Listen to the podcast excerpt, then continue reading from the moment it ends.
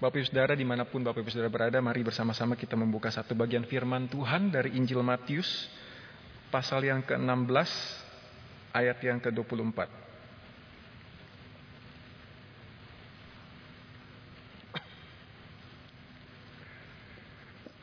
Tema kita malam hari ini, The Way of the Cross. Injil Matius pasal 16 ayat 24, demikian firman Tuhan. Lalu Yesus berkata kepada murid-muridnya, "Setiap orang yang mau mengikut Aku, ia harus menyangkal dirinya, memikul salibnya, dan mengikut Aku." Sekali lagi, lalu Yesus berkata kepada murid-muridnya, "Setiap orang yang mau mengikut Aku, ia harus menyangkal dirinya, memikul salibnya, dan mengikut Aku." Saudara bayangkan, imajinasikan seandainya saudara satu kali tiba-tiba dapat telepon berdering, lalu kemudian mengajak saudara untuk bergabung menjadi salah satu petinggi atau mungkin langsung presiden direktur Google. Saudara apa yang ada di dalam bayangan saudara ketika menjabat posisi itu? Saya bisa membayangkan diri saya, oke okay, mungkin pekerjaannya akan sibuk, tanggung jawabnya akan besar, tapi itu mungkin worth it karena sebanding dengan fasilitas, dengan kenyamanan, dengan segala hal yang saya dapat menikmati dan saya dapat bersama dengan keluarga saya, dengan kerabat saya, saya merasa layak untuk mendapatkan itu semua.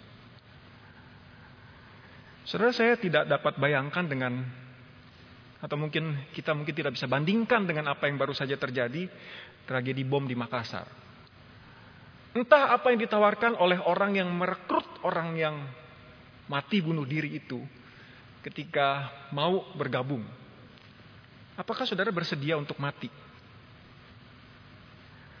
Bagian firman Tuhan yang kita baca dengan jelas mengatakan kalau kamu mau ikut aku menjadi murid-muridku, maka engkau harus menyangkal diri, memikul salib, mengikut aku. Saudara kita terlalu mudah menjadi orang Kristen.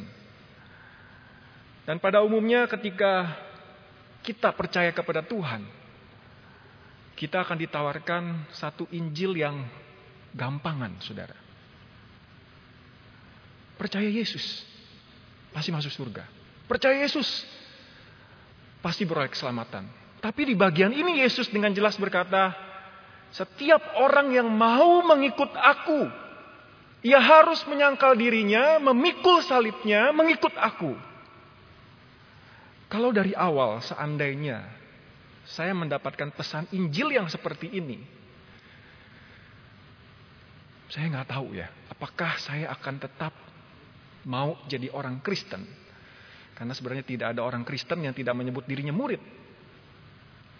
Tapi kalau sekarang banyak orang Kristen yang merasa itu bukan bagian saya, yang penting saya sudah percaya Yesus, kita harus memikirkan ulang bagian firman Tuhan ini. Saudara, saya mengajak kita untuk melihat secara detil Matius 16 ayat 24 ini. Kira-kira akan seperti ini bentuknya. Saya coba membaginya dengan melihat tiap pembagian kata ini secara cepat. Saya percaya sudah enam minggu kita bersama-sama mendengar tentang salib Kristus. Salib Kristus. Salib Kristus. Tanpa bermaksud menghakimi saya sendiri, saya merasa begini. Tuhan saya sudah tahu tentang salib Kristus. Saya sudah mendengar banyak tentang salib Kristus. Tapi saya berdoa dan saya berharap kita sama-sama berdoa. Pemikiran, perenungan tentang salib Kristus. Seharusnya memang harus kita pikirkan senantiasa karena kita mudah sekali untuk terjatuh, terjungkal, tergelincir, tersandung dan melupakan pemikiran tentang salib Kristus.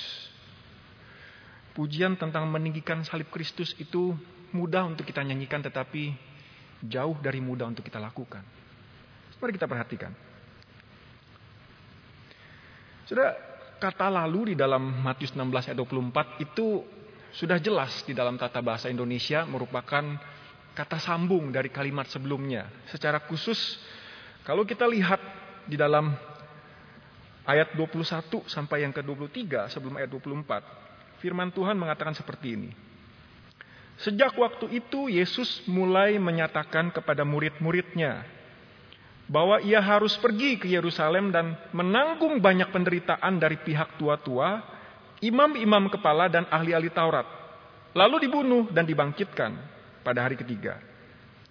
Tetapi Petrus menarik Yesus ke samping dan menegur dia, katanya, "Tuhan, kiranya Allah menjauhkan hal itu.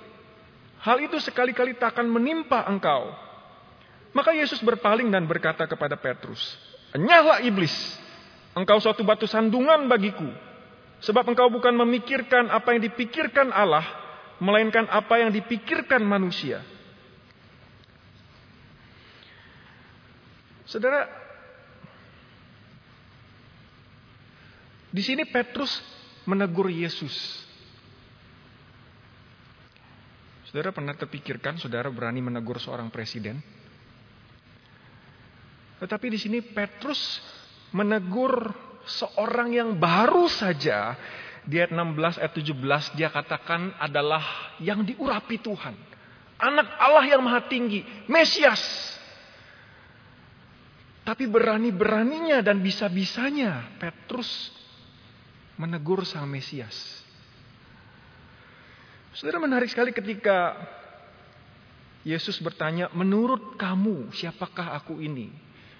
Petrus seperti biasa sebagai seorang yang juru bicara, pemimpin, impulsif mengatakan, engkau adalah Mesias anak Allah yang maha tinggi.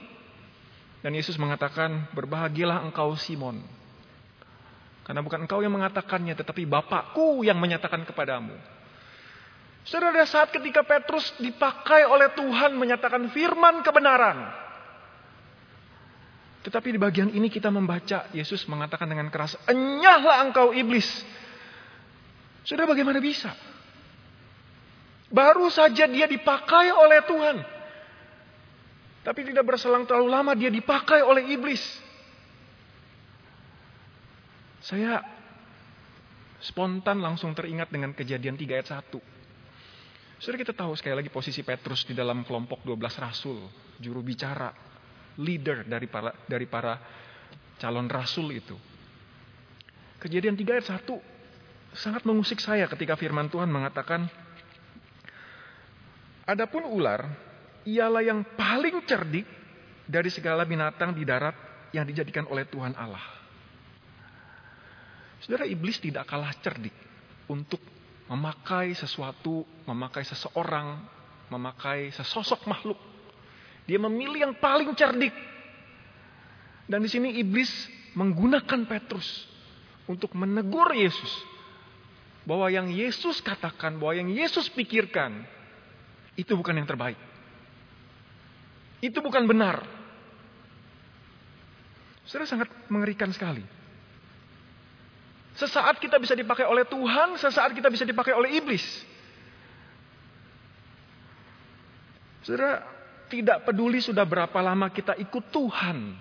Tetapi bagaimana kita dibesarkan, pola pikir kita, budaya kita, tradisi kita, bukan cuma di keluarga tetapi di gereja sekalipun, berperan sangat besar dalam diri kita lebih dari yang kita pikirkan. Saudara bukan bukan hanya ini saja. Ketika Petrus memikirkan apa yang dipikirkan oleh manusia. Kalau saudara lihat kisah Rasul pasal 10 ayat 13 sampai 16 ketika Tuhan menampakkan di dalam satu visi kain lebar yang berisi berbagai macam binatang dan Tuhan suruh makan Petrus. Tetapi Petrus dengan akar Yahudinya yang sangat kuat tidak Tuhan. Petrus menolak Tuhan, menolak perintah Tuhan. Aku tidak pernah makan satupun yang haram selama aku hidup. Setelah dia dipakai oleh Tuhan untuk berkhotbah menobatkan 3.000 orang, 5.000 orang. Tetap ada celah. Lalu kemudian di Galatia 2 ayat 11 sampai 13 ketika Paulus dengan terang-terangan menegur Petrus Karena dia berlaku munafik. Tadinya dia makan dengan orang-orang tidak bersunat, tapi kemudian ada kelompok orang dari Yerusalem datang, dia kemudian menyingkir karena takut dinilai. Dia berlaku munafik. Sudah bisa bayangkan seandainya Yesus tidak menghardik Petrus. Berapa banyak orang yang akan punya pola pikir yang salah seperti Petrus. Kenyataannya banyak dari kita yang punya pola pikir seperti Petrus. Masa Kristus, anak Allah itu harus menderita? Bukankah hidup itu harus makmur, hidup nyaman, tidak ada perpecahan, tidak ada pertentangan, sejahtera, stabil. Saudara, kalau Yesus yang begitu spesial saja harus menderita, harus ditolak. Lalu mungkin Petrus berpikir bagaimana dengan kami orang yang biasa-biasa saja. Dan bukankah kami sudah menaruh harapan padamu, Mesias, anak Allah yang maha tinggi. Kami butuh Mesias yang dapat membebaskan kami dari tirani penjajahan. Kami butuh disejahterakan. Kami butuh dimakmurkan. Kami perlu kestabilan, kenyamanan. Petrus sedang memikirkan bagaimana dirinya mendapat keuntungan dari Mesias sang anak Allah itu. Bukankah kita sedang memikirkan hal yang sama? Masa Mesias ditolak sih? Diplomasi dong. Kalau perlu kompromi.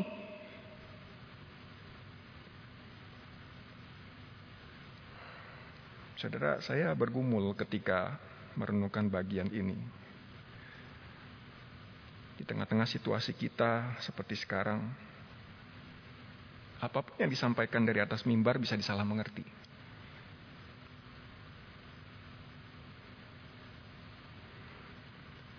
Tapi saya tahu saya harus memelihara hati tetap murni di hadapan Tuhan dan setia pada teks. Karena sang Mesias itu tetap setia pada jalan salib yang bapaknya sudah tentukan. Bahkan mati dibunuh. Bukan kenyamanan. Petrus jelas punya konsep yang keliru tentang kebesaran seorang Mesias. Sekali lagi dia adalah seorang pemimpin di antara sebelas rekan yang lain. Dia dipilih secara eksklusif Tuhan tahu karakternya. Dan jelas dia pasti akan mempengaruhi sebelas murid yang lain. Dan Yesus tidak membiarkan kesalahan ini berlarut-larut. Dan puji Tuhan dan kita harusnya sangat bersyukur ketika Yesus menegur Petrus dengan sangat keras. Enyahlah iblis. Engkau satu batu sandungan bagiku sebab engkau bukan memikirkan apa yang dipikirkan Allah. Melainkan apa yang dipikirkan manusia. Saudara sekali lagi itu teguran yang sangat, sangat, sangat keras. Sangat keras. Saya coba membayangkan diri saya di posisi Petrus. Apa perasaan saya ketika Yesus menuding saya? Mungkin kalau kita pakai bahasa sekarang begini ya, setan lu. Enyahlah engkau iblis. Saudara, siapa pun orang yang menegur kita, bahkan dia orang paling berkuasa di seluruh dunia pun tidak menjamin saya tidak tersinggung, tidak menjamin saya tidak marah. Mungkinkah itu yang dirasakan oleh Petrus? Tersinggung, marah, ngambek, lalu tinggalkan Yesus. Kita nggak tahu. Tetapi bersyukurlah kalau Yesus mau tegur kita. Mungkin kita akan tersinggung, mungkin kita akan marah. Tapi kalau kita membawanya ke hadapan Tuhan dengan jujur, dan kita tetap bertekad, Tuhan aku tahu engkau yang paling benar. Aku mau setia padamu. Dan bukankah Ibrani 10 ayat 5 sampai 7 mencatat, Hai anakku, janganlah anggap enteng didikan Tuhan, dan janganlah putus asa apabila engkau diperingatkannya. Karena Tuhan menghajar orang yang dikasihinya dan ia menyesal orang yang diakuinya sebagai anak. Jika kamu harus menanggung ganjaran, Allah memperlakukan kamu seperti anak. Di manakah terdapat anak yang tidak dihajar ayahnya? Jadi bersyukurlah karena Tuhan masih mau tegur kita. Silakan marah dan tersinggung. Ambillah waktu sesaat. Datanglah kepada Tuhan. Datanglah dengan telanjang. Setelanjang-telanjangnya. Tuhan, aku marah Tuhan. Gak pantas dia ngomong seperti itu. Bahkan kalau itu firmanmu Tuhan. Silakan. Asal berbalik kepada Tuhan. Bukan kepada manusia. Karena apa yang baik menurut manusia belum tentu baik menurut Tuhan. Jelas sekali. Bahkan apa yang terbaik dari pikiran manusia itu bisa jadi yang terburuk menurut Tuhan. Tuhan mau kita memikirkan apa yang dia pikirkan. Saudara lalu Yesus berkata, dengan kondisi yang seperti itu, dia meresponi lagi. Dia berkata, Saudara saya harus berhenti pada bagian ini. Kata Yesus berkata ini. Sudah bagi saya timbul dalam hati saya pertanyaan begini. Siapa yang sedang berkata? Ini Yesus yang sedang berkata. Seberapa besar bobotnya dan apa bandingannya? Seberapa serius kita menganggap, kita memikirkan ketika Yesus mengatakan sesuatu? Sudah bukankah seharusnya ketika Yesus berkata itu sama bobotnya ketika di dalam kejadian satu Tuhan menciptakan segenap alam semesta seluruh dunia beserta isinya. Berfirmanlah Tuhan. Berfirmanlah Tuhan. Maka jadilah demikian. Tidak boleh bobot Yesus berkata itu diturunkan atau dikecilkan.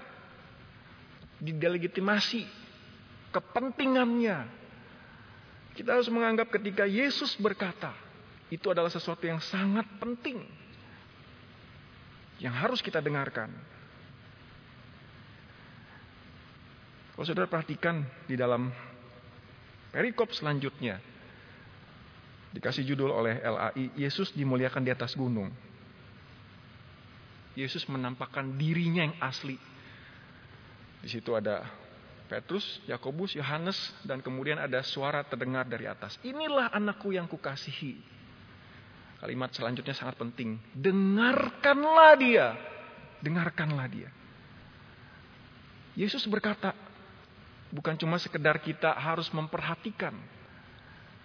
Tapi benar-benar memikirkan. Memikirkan bagaimana kita melakukannya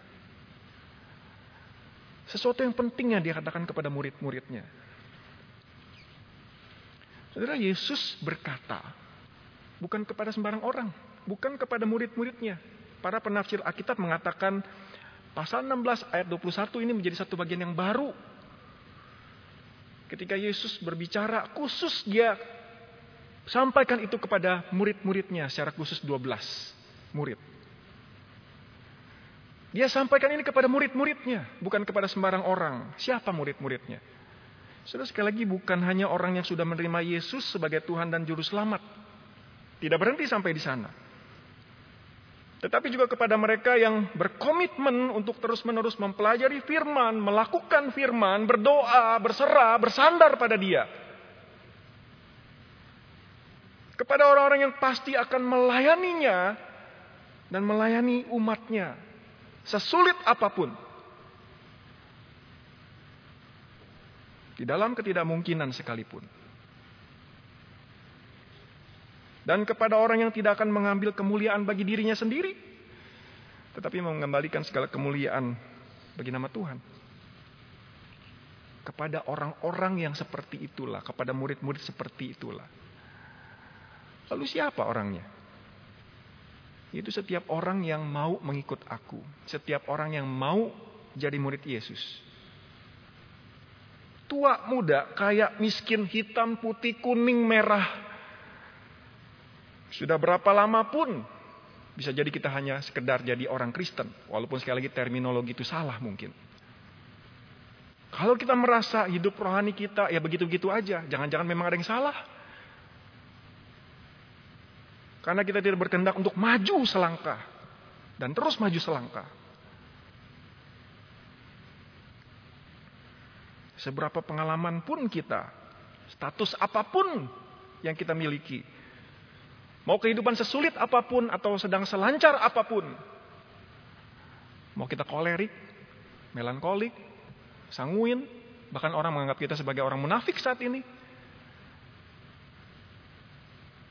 Tapi ketika kita mau mengikut Yesus, dan jika orang itu mau jadi murid Yesus, maka ia harus yau puyau. Mau nggak mau. Ini bukan satu pilihan yang Tuhan Yesus sodorkan kepada kita. Ini bukan sesuatu yang bisa ditawar-menawar. Ini bukan sesuatu yang bisa dinegosiasikan. Walaupun masih diperbolehkan. Tapi pada akhirnya, kehendak Tuhan yang jadi. Dia harus menyangkal dirinya. Saudara kita sepanjang tema tentang salib Kristus. Dan secara khusus minggu lalu Pendeta Hendra G. Mulia sudah ngomong tentang menyangkal diri. Diambil dari 1 Yohanes 2 ayat 15. Semua yang ada dalam dunia, keinginan daging, keinginan mata, serta keangkuhan hidup.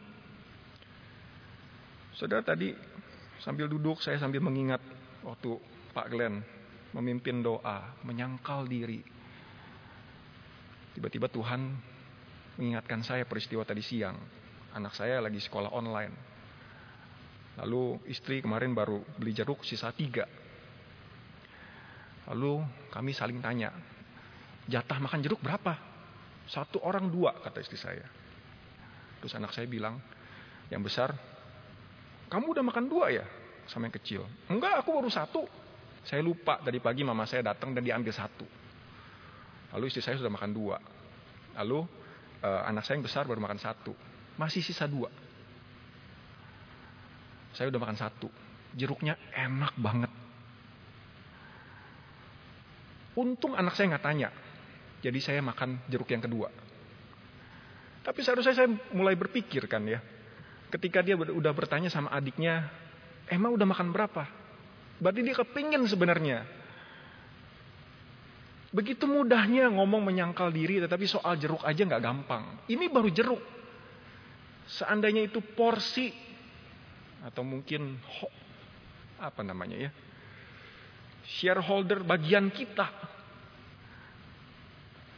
kita rasa kurang mungkin kita bisa ambil dari orang lain syukur-syukur dia nggak tahu syukur-syukur dia nggak lihat Bagian firman Tuhan tentang menyangkal diri. Semua yang ada dalam dunia, keinginan daging, keinginan mata, keangkuhan hidup. Sudah tidak jauh dari sini Matius 19 ayat 22. Kita tahu itu peristiwa ketika Yakobus dan Yohanes meminta posisi di sebelah kanan Yesus atau di sebelah kiri Yesus ketika Yesus datang dalam kemuliaannya. Tahta, posisi yang dia minta. Lalu kemudian Matius 20 ayat 21.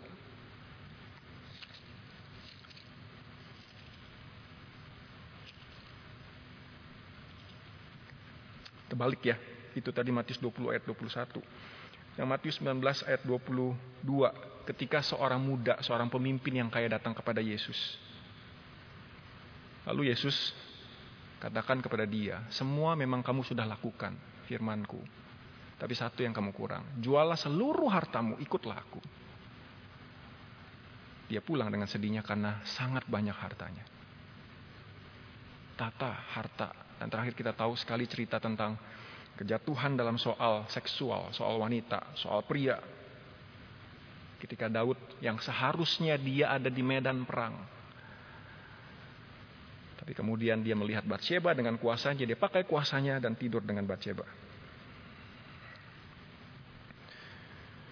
Saudara, dunia ini sedang lenyap dengan segala keinginannya. Tetapi orang yang melakukan kehendak Allah tetap hidup selama-lamanya. Bukan hanya setiap orang yang mau ngikut Yesus, dia harus menyangkal diri. Tapi juga dia harus memikul salibnya.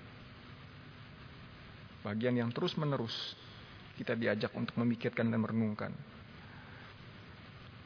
Saudara, kesimpulannya jalan salib itu pasti adalah jalan penderitaan. Jalan salib ketika salib itu ditopang sedang menuju tempat kematian.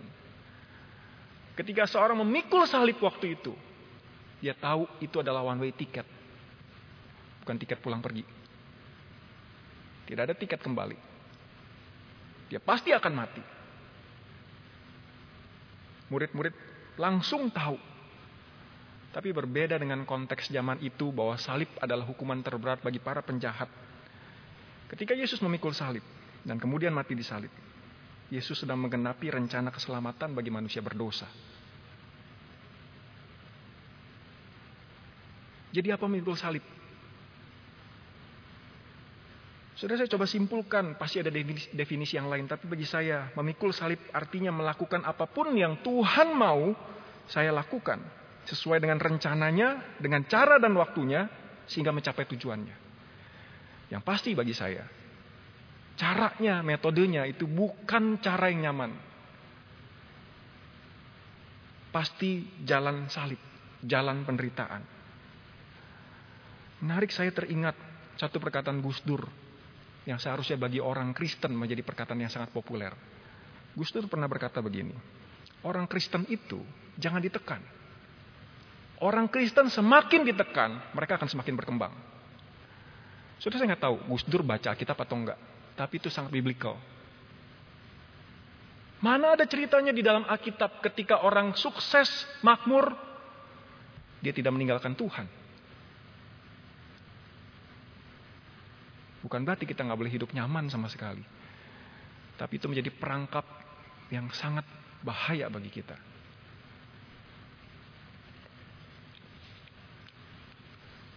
Dan terakhir, Yesus mengatakan, ikut aku. Saudara mengikut Yesus sudah pasti meneladani kehidupan Yesus.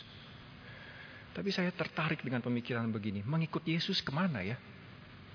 Ke mana kita harus mengikut Yesus? Di mana kita harus mengikut Yesus? Saudara di dalam ayat 21, ayat 16. Tadi dikatakan, sejak waktu itu Yesus mulai menyatakan kepada murid-muridnya bahwa ia harus pergi ke Yerusalem Kenapa harus ke Yerusalem? Injil Lukas bagian yang paralel mencatat detilnya. Lukas mencatat sebab tidaklah semestinya seorang nabi dibunuh kalau tidak di Yerusalem. Tempatnya harus di Yerusalem. Kita harus ke Yerusalem. Bukan kota raja damai. Ketika Yesus pergi ke Yerusalem tapi tempat dia disalibkan. Mati untuk menggenapi kehendak Bapaknya. Di mana Yerusalem kita? Yaitu ke tempat ke mana Yesus pimpin. Dan itu berarti bisa ke mana saja. Bisa di sini atau tempat lain. Bisa di tempat kerja, bisa di dalam keluarga. Saudara kita sangat tahu Mengikut Yesus harus menyangkal diri, memikul salib, mengikut aku. Sudah ratusan kali mungkin kita dengar bagian ini. Apakah ini satu hal yang mudah? Sudah jelas sangat susah. Jalan penderitaan, jalan kesusahan, jalan kematian. Ia harus pergi ke Yerusalem menanggung banyak penderitaan dari pihak tua-tua, imam-imam kepala dan ahli-ahli Taurat lalu dibunuh. Dari ayat 21 Yesus sudah menyatakan bahwa dia akan menyangkal dirinya. Dia akan memikul salibnya. Dan dia ikut akan ikut jalan yang bapaknya sudah tentukan. Saudara ini bukan perkara yang mudah. Kalau enggak nggak mungkin ada kisah Yesus berdoa di Taman Getsemani. Bapakku sekiranya cawan ini lalu daripadaku. Bapakku biarlah cawan ini lalu daripadaku. Kita melihat Yesus sedang nego dengan bapaknya di sini. Kalau boleh Tuhan jangan jalan ini Tuhan. Jalan salib, the way of the cross is never easy. Never ever easy. Saya gentar ketika membaca Letters to the Church yang ditulis oleh Francis Chan. Dalam konteks Amerika dia berkata, gereja di Amerika sudah terlalu nyaman. Apakah fair kalau kita membandingkan gereja di Amerika dengan gereja di Indonesia? Apakah kita sudah terlalu nyaman? Tuhan sedang menggoncang kita saat ini. Saya nggak tahu, saya nggak punya jawabannya. Tapi sebagai hamba Tuhan saya harus akui, saya sangat nyaman. Saya sangat gentar. Sangat gentar. Jalan ini sangat susah. Seharusnya sangat susah. Kalau bukan lumayan susah lah. Tapi saudara, kita perlu diingatkan dengan konteks hidup kita saat ini. Jauh-jauh hari dan masih relevan sampai saat ini. Paulus sudah katakan kepada Timotius. Dia bilang begini dalam 2 Timotius 3 ayat 1 sampai 4. Ketahuilah bahwa pada hari-hari terakhir akan datang masa yang sukar. Manusia akan mencintai dirinya sendiri, yaitu melawan hukum yang terutama, bukan mengasihi Tuhan dan mengasihi sesama, dan menjadi hamba uang, yang dicatat di dalam 1 Timotius 6 ayat 10 adalah akar segala kejahatan. Dan turunannya kemudian mereka akan membuat dan men, akan membual dan menyombongkan diri. Mereka akan menjadi pemfitnah, mereka akan berontak terhadap orang tua dan tidak tahu berterima kasih. Tidak tidak mempedulikan agama, tidak tahu mengasihi, tidak mau berdamai, suka menjelekkan orang, tidak dapat mengekang diri, garang. Tidak suka yang baik, suka mengkhianat, tidak berpikir panjang, berlagak tahu, lebih menuruti hawa nafsu daripada menuruti Allah. Saudara bagian ini tidak berakhir sampai di sini. Kita sudah melihat bagaimana sulitnya konteks hidup kita zaman sekarang.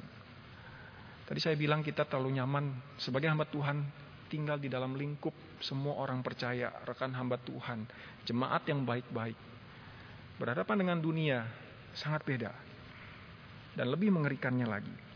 Di dalam ayat yang kelima, Paulus mengatakan, secara lahiriah, mereka menjalankan ibadah mereka, tetapi pada hakikatnya mereka memungkiri kekuatannya. Orang-orang yang Paulus sebut ini, ayat 1 sampai sampai 4 ini, siapa mereka? Mereka adalah orang-orang yang beribadah. Jangan kita tunjuk orang lain. Mungkinkah itu diri kita? Kita beribadah. Kita berdoa. Memuji Tuhan. Mendengarkan firman Tuhan. Mempelajari firman Tuhan. Ngeri sekali saudara-saudara.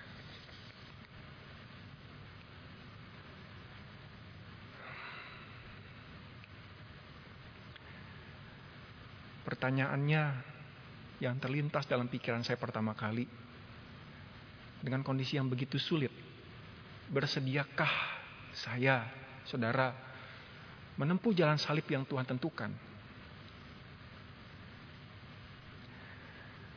Sekali lagi, pertanyaan ini karena perintah Yesus tidak mudah. Menyangkal diri, memikul salib, mengikut Dia. Tapi sebenarnya, apakah ini sebuah pertanyaan yang pantas dengan awal kalimat bersediakah saudara? Karena selanjutnya di ayat 25-26 Yesus mengatakan, karena barang siapa mau menyelamatkan nyawanya, ia akan kehilangan nyawanya. Tetapi barang siapa kehilangan nyawanya karena aku, ia akan menyelamatkannya. Ia akan memperolehnya. Apa gunanya seorang memperoleh seluruh dunia, tapi kehilangan nyawanya? Dan apakah yang dapat diberikannya sebagai ganti nyawanya? Jadi saya kira pertanyaan bersediakah saudara itu menjadi tidak relevan kalau kita perhatikan ayat 25 dan 26 ini. Karena sepertinya itu bukan tawaran, tapi kewajiban. Seorang murid tidak memiliki pilihan selain menjalani jalan salib yang Tuhan tentukan baginya.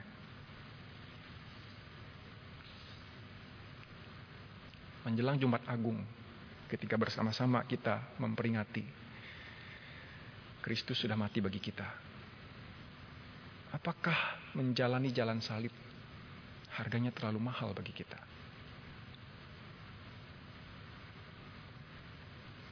Saudara, mari kita arahkan hati kita terus. Mengevaluasi diri kita senantiasa. Kita tundukkan kepala. Kita mohon belas kasihan Tuhan.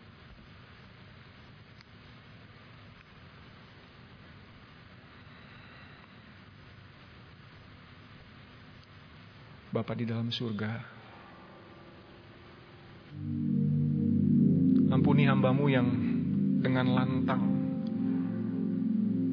mencoba menjelaskan firman Tuhan yang jauh lebih berkuasa dari kata-katanya. Hambamu takut Tuhan karena sudah terjebak di dalam kenyamanan. Bukan menjalani jalan salib Tuhan sudah tentukan bagi hambamu. Bapak, apakah setiap kami yang sore hari ini, malam hari ini mendengarkan firman Tuhan, juga mengalami hal yang sama? Tuhan ampuni kami. Ampuni kami Tuhan. Kami memaknai jalan salib dengan enteng, dengan gampang, dengan murahan. Ampuni kalau kami tidak memfokuskan mengarahkan hati kami kepada Tuhan yang mati menderita bagi kami, yang ditolak hidupnya demi menyatakan kebenaran dan menggenapkan rencana keselamatan bagi kami orang-orang yang sangat tidak layak Tuhan. Tolong kami Tuhan. Tolong kami. Dalam nama Tuhan Yesus kami berdoa. Amin. Kebaktian doa kita sampai di sini. Tuhan berkati saudara.